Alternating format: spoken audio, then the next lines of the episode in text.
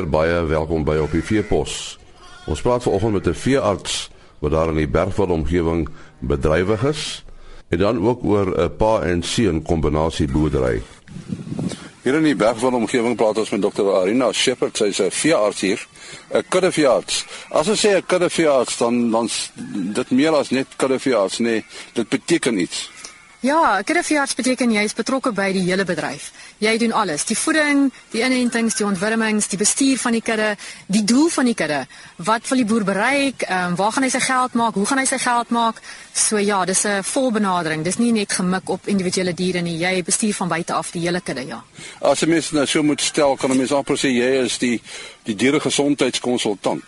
Dis korrek ja en en jy moet betrokke wees by elke aspek en seker maak dat prevention is better than cure. So as jy daai oeye gesond kan hou en jy kan hulle in goeie produksie hou, dan maak jy boergeld en jy doen goed so, dan werk almal goed saam ja. Hmm.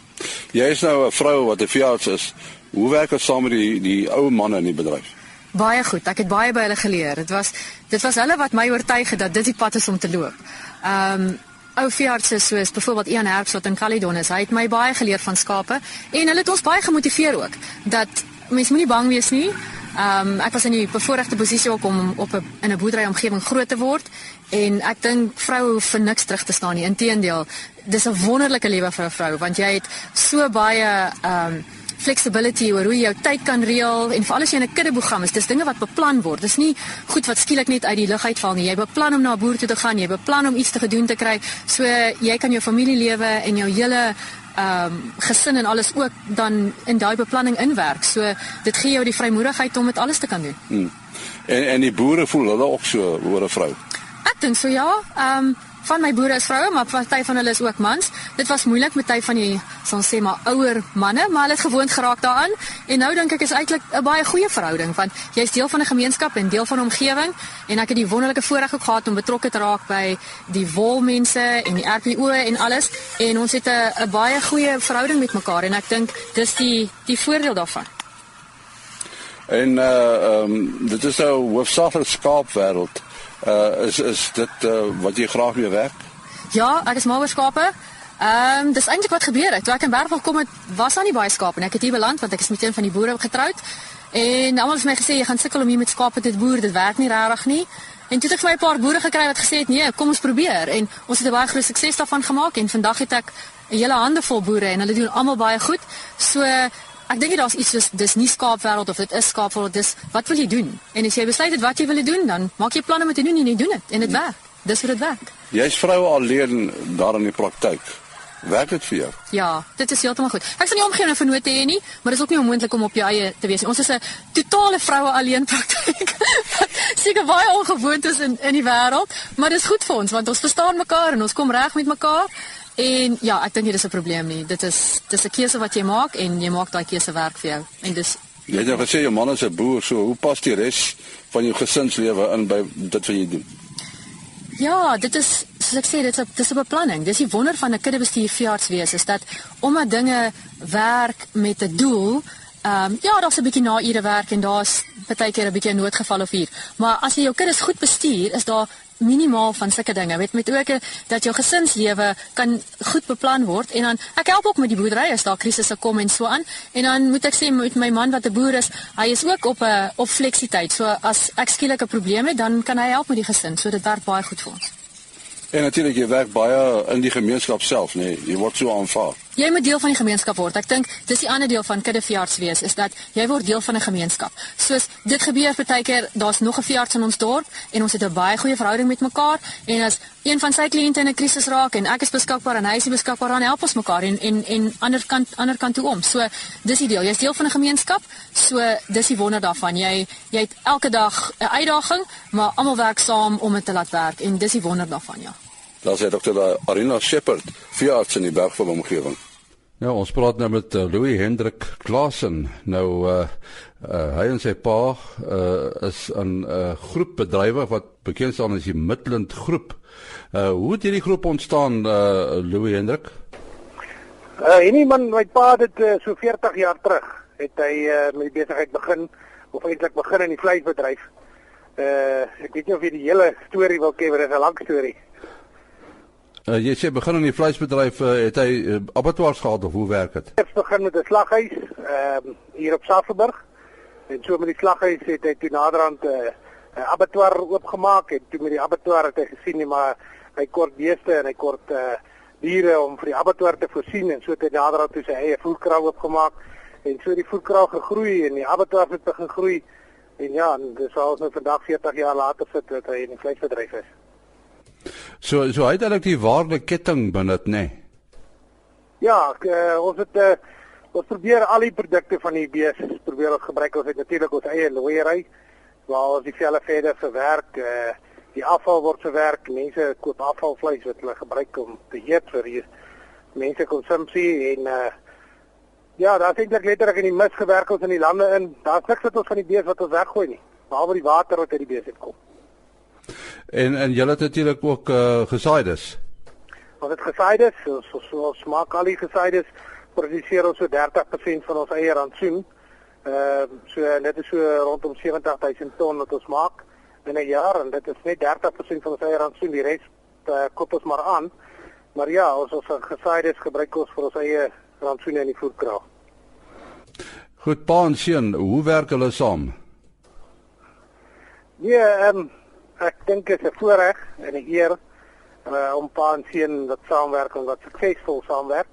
Ehm uh, ek dink uh, dis 'n uh, vir my is dit 'n baie groot voorreg want ons albei deel in dieselfde belange en ek is lief vir wat hy gedoen het toe hy jonk was en wat hy nog steeds doen en ek hoop dat ek eendag wat ek het ook gesien en ek hoop dat hy eendag ook sal lief wees wat ek doen. So nee, ons werk baie lekker saam en en uh, ons het maar hier en daar met mense maar seker hier hiccups nou en dan. Eh uh, maar ek dink dit is 'n baie groot voorreg vir my om saam met pa te kan werk.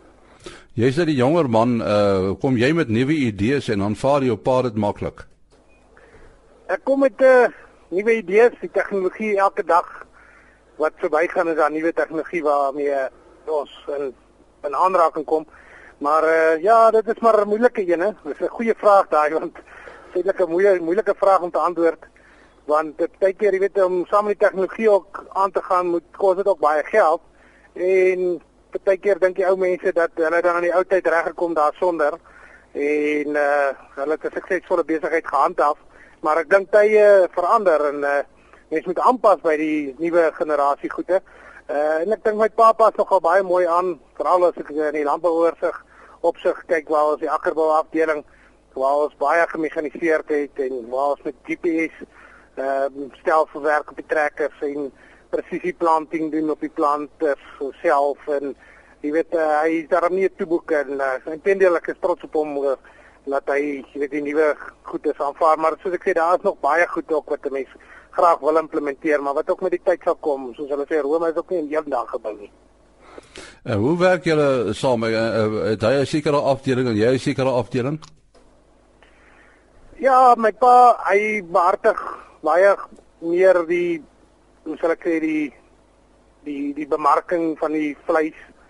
Uh hy behartig oorhoofs al die krale, uh al die uh die die goed wat ons inkry, die diere wat ons inkry, die diere wat ons slag, daai tipe van dinge, hy behartig ook wat het ons nodig, benodig ons elke maand, wat uh, benodig ons om te koop en so aan en dan gee dit deur vir my wat weer ek praat van die aankoopkant van speenkalvers, van lammers, so goed wat ons by die boere koop.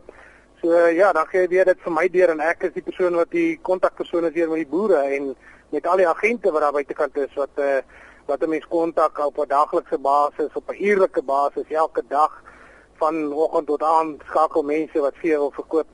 So ek behartig daai gedeelte en dan die akkerbou, ek is meer buitekant. Ek uh, ek hou daarvan om buite te wees. Ek het ek het my eie kantoor wat ek ook 'n paar ure by vertoef.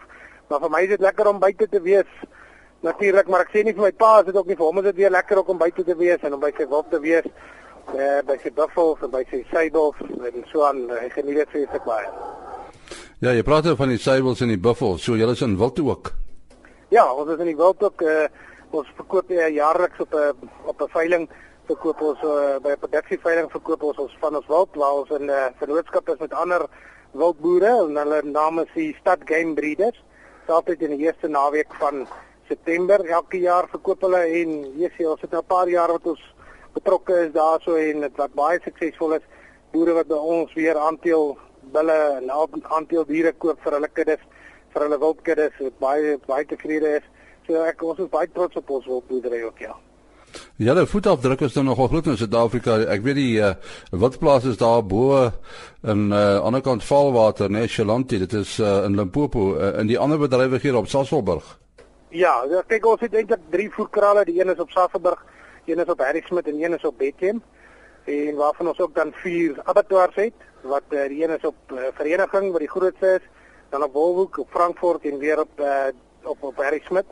Harrismith is die tak wat natuurlik vir die Natal uh kontra uh, uh, vleis voorsien waar ons ook halal is wat vir die Indiërs is. So uh, ja, nee, ons het uh die voedkrale is maar versprei oor die land eintlik, jy weet. Ja, dan moet ek vra, wat is julle toekomsplanne?